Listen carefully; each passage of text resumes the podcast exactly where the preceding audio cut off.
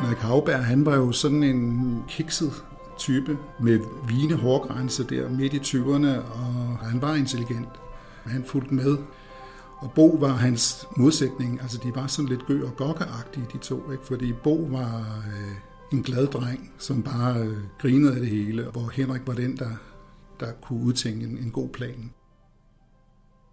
I perioder, der levede de jo simpelthen et liv i sus og dus. Altså i København boede de i en luksuslejlighed og havde luksusbiler holdende i kælderen, og i Næstved havde de den dyreste villa. Stedet var spækket med B&O udstyr og med dyre tæpper. Meget af det var formentlig bare ting, der var svindlet.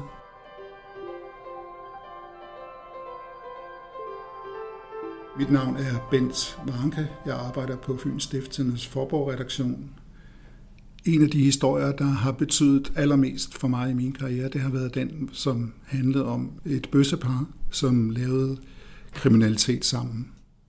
Da Ekstrabladet begyndte at, at skrive om historien, så blev de døbt til øh, bøssegangsterne.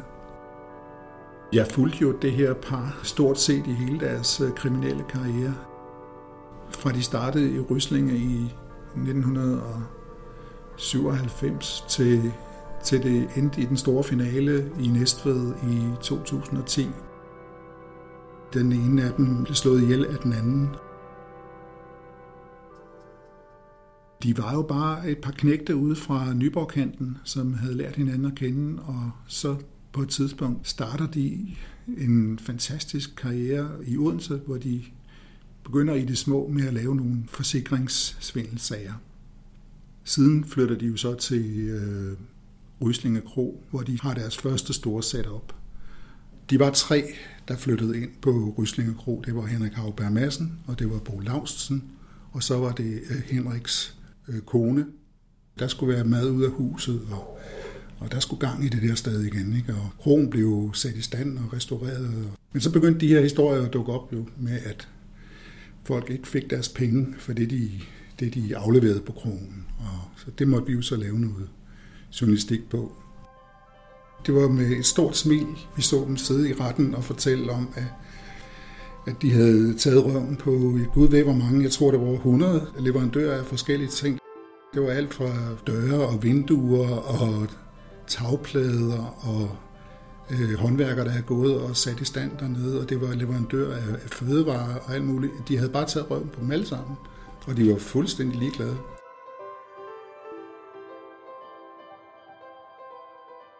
På et tidspunkt der besøgte jeg en, øh, en revisor, som sad fængslet i Søby Søgaard. Han var simpelthen blevet taget sådan i røven af de to. De var blevet uvenner. Og hvad gør man, hvis man bliver uvenner med nogen, når man hedder Henrik Havberg Madsen og Bo Madsen, eller Bo Lausten, som han hed dengang? Man framer ham. Man melder ham til politiet for forsikringsvindel, og så stiller man op i retten og vidner imod ham to mand og siger, at det var ham, revisoren, der fik os til det. Så øh, de havde simpelthen fået ham sendt i fængsel, og jeg er overbevist om, at det var dem selv, der havde udtænkt den der plan. Men øh, han blev bare øh, straffet for det, fordi de rådede sig sammen. Og det var sådan, de gjorde. Hvis de kunne genere nogen, så gjorde de det. De var raffinerede i deres måde at genere folk på.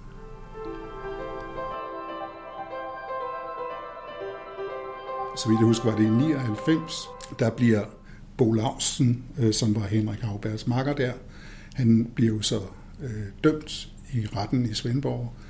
Øh, han får, så vidt jeg husker, 19 måneders øh, fængsel, en ret, øh, en ret lang fængselsstraf for at altså for det, der hedder kreditbedrageri. Henrik Havberg, som jo var ham, der ejede kronen, han blev ikke dømt. Men, men øh, Bo Lausten, som øh, lejede sig ind, og som ligesom påtog sig skylden for det. Han måtte tage hele skraldet.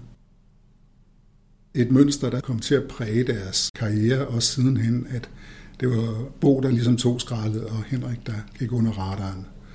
Altså Henrik var jo helt klart den, den smarte af de to. Ikke?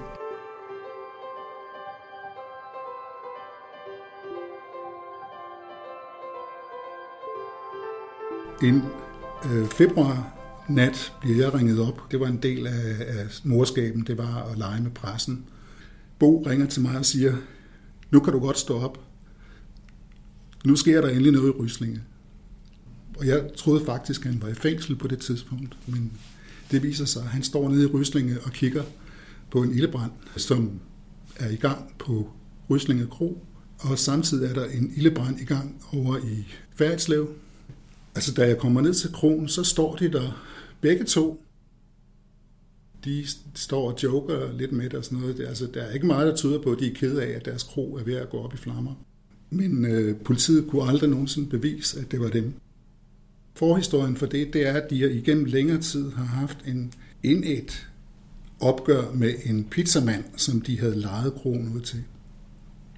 Ham kunne de ikke lide, og han kunne ikke lide dem. Så det endte i ren krig.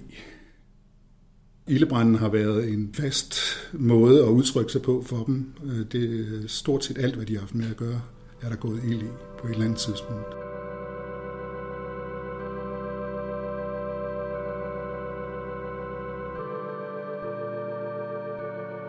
Der er øh, 4-5 år, hvor jeg, hvor jeg ikke beskæftiger mig med dem, øh, fordi jeg er et andet sted i verden. Og øh, det er så fordi, jeg kommer ind på den her erhvervsredaktion og kan skrive om den slags ting igen, især når det, har, når det påvirker fynske interesser.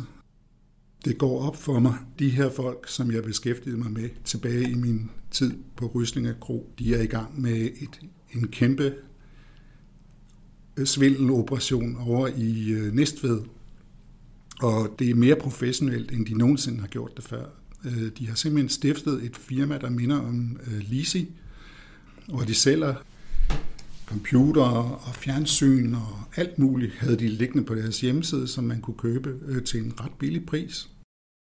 I den forbindelse laver de så en stor annoncekampagne, og de var i alle lands aviser. De var både i Berlingeren og i Jyllandsposten og i Fyns Stifttidende med kæmpe annoncer. Der sker så det, at jeg får at vide fra annonceafdelingen på avisen, at jamen, de har ikke betalt for de der annoncer endnu. Det var et stort svindelnummer. Det var så også der, hvor det begyndte at blive sådan lidt en besættelse for mig, at øh, jeg måtte simpelthen fortælle folk, at dem der skulle man bare ikke handle med.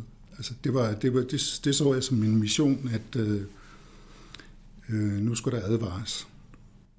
Men øh, så sker der jo det, de kommer i øh, kontant i fjernsynet, på baggrund af også nogle af de artikler, jeg lavede. Det var et meget hårdt stød for dem.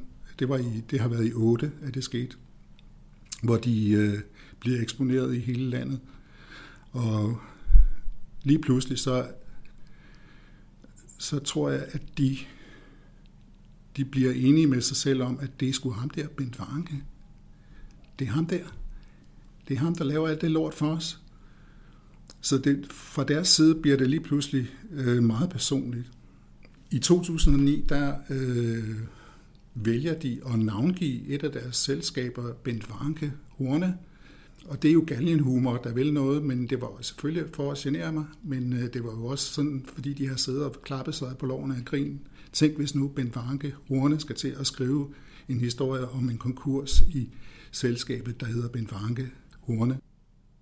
Selskabet hedder sådan i et, et halvt års tid, så går vores chefredaktør ind og, og overtaler dem til at ændre navnet, fordi det, jo, det, var, jo, det var jo også øh, krænkende over for mig. De ændrede det så til Journalistens Vilje APS. På det her tidspunkt, der er, der er, sådan, der er situationen rimelig opkørt. Sagen tager den tager så en drejning for mig, fordi på et tidspunkt så bliver jeg kontaktet af politiet. De har informationer om, at øh, mit navn bliver nævnt.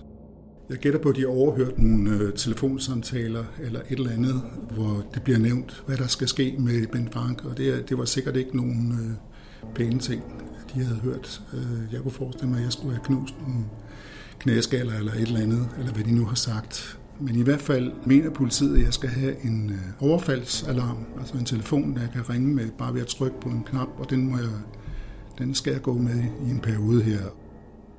Der var jeg virkelig i alarmtilstand, ikke? fordi det, det var for voldsomt.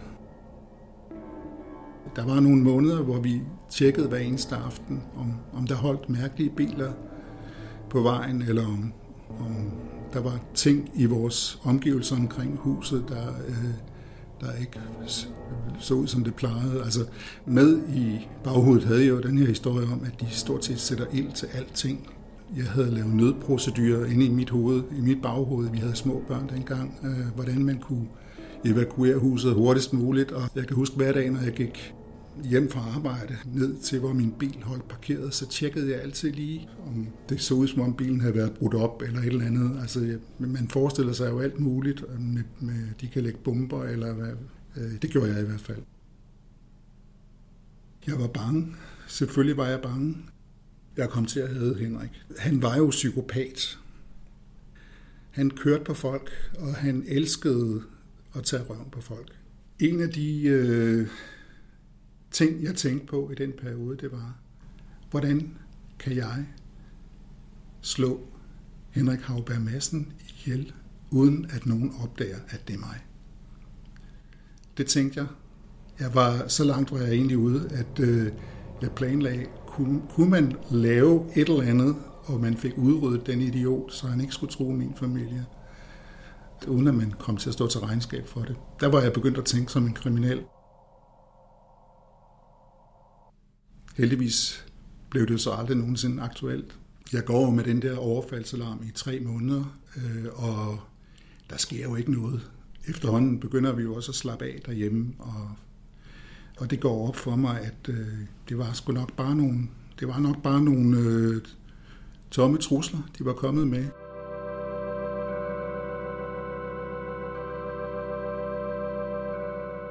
Året efter, at jeg havde været ude i det her og med at blive truet og gået med overfaldsalarm, så, så er det jo, at Henrik han forsvinder. I lang tid troede man jo bare, at Henrik øh, var forsvundet, at han var rejst med udsigten til at skulle i fængsel i mange år for, for de der kriminelle ting, de havde lavet. Øh, det var efterhånden håbet op. Der var både en brandstiftelse i Rødbyhavn og, og en, øh, en stor svindelsag i København, som de var blevet dømt for, og, og, og samlet skulle de mange år i fængsel begge to. Det viste sig jo så, at øh, han var blevet, han var blevet likvideret.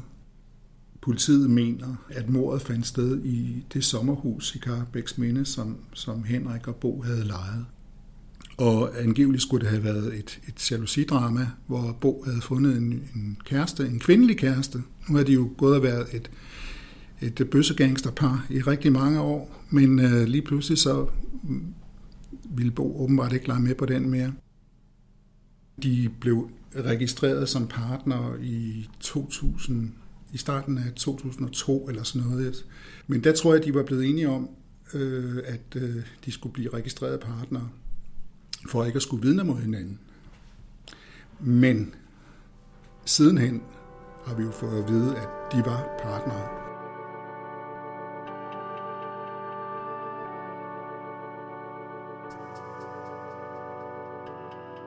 Bo har åbenbart haft skjulte talenter, fordi det var meget tæt på at lykkes at lave det perfekte mor. Man har aldrig fundet spor efter noget mor i det sommerhus. Faktisk, øh, i hvert fald noget af det, jeg har læst, så var det nærmest gjort klinisk rent. Øh, hvilket så godt kunne indikere, at nogen har måske tænkt, at, at der skulle ryddes op her. Men øh, det er jo kun indicier. Man har aldrig fundet hans lig hvordan livet er kommet af, af veje, det er der er vist fri fortolkningsret på. Om det er gravet ned et eller andet sted, om det er sænket i, i et syrebad, eller om det er dissekeret og smidt i en fiskedam, som også nogen har foreslået. Øh, ja, vi ved det ikke. Bo har jo aldrig, han har jo, han har jo aldrig indrømmet, at han har slået ham ihjel, men han havde jo en medgerningsmand, som hed Claus Stockholm, som øh, hvis ekskone åbenbart havde et horn i siden på ham. Så hun angav ham og fortalte, at han havde gået og pralet med, at han havde været med til at slå Henrik Havberg Madsen ihjel. Og det var jo det, der, der ligesom øh, gjorde, at det lige pludselig, at sagen tog en, en voldsom drejning dengang. Claus Stockholm blev dømt, fordi man mente, det var ham, der havde udført selve mordet, affyret det dødbringende skud.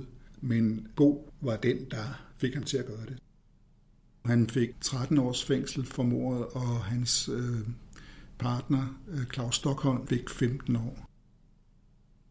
Da det gik op for mig, at Bo rent faktisk havde slået Henrik ihjel, øh, så vil sige, så blev jeg faktisk overrasket, fordi det har altid været Henrik, der var chefen, og det var Bo var bare sådan en, en, øh, en nikkedukke, der gjorde, hvad, hvad chefen sagde. Men øh, lige pludselig har rollerne så åbenbart været blevet byttet om. Jeg tænker tit på, på sagen, og jeg tænker tit på, hvordan øh, Bo har det i fængslet. Derfor har jeg også overvejet faktisk at, at, at besøge Bo i fængslet, fordi jeg tænkte, jeg kunne godt tænke mig at snakke med ham om det. Altså, hvad der egentlig skete, og hvorfor det skete. De var once in a lifetime, de to. Jeg kommer nok aldrig til at møde nogen, der minder helt om dem. Det er jo det der fuldstændig grænseløse, den der grænseløse adfærd. Det er både provokerende, men også vanvittigt fascinerende. Hvis nogen prøver at tage røven på nogen, så synes jeg, det skal fortælles. Det tror jeg simpelthen er noget af det journalistik, jeg har brændt allermest for. Altså hvis jeg kunne fortælle om en, en, en, der prøver at tage røven på andre, så synes jeg, det var det bedste, jeg kunne lave.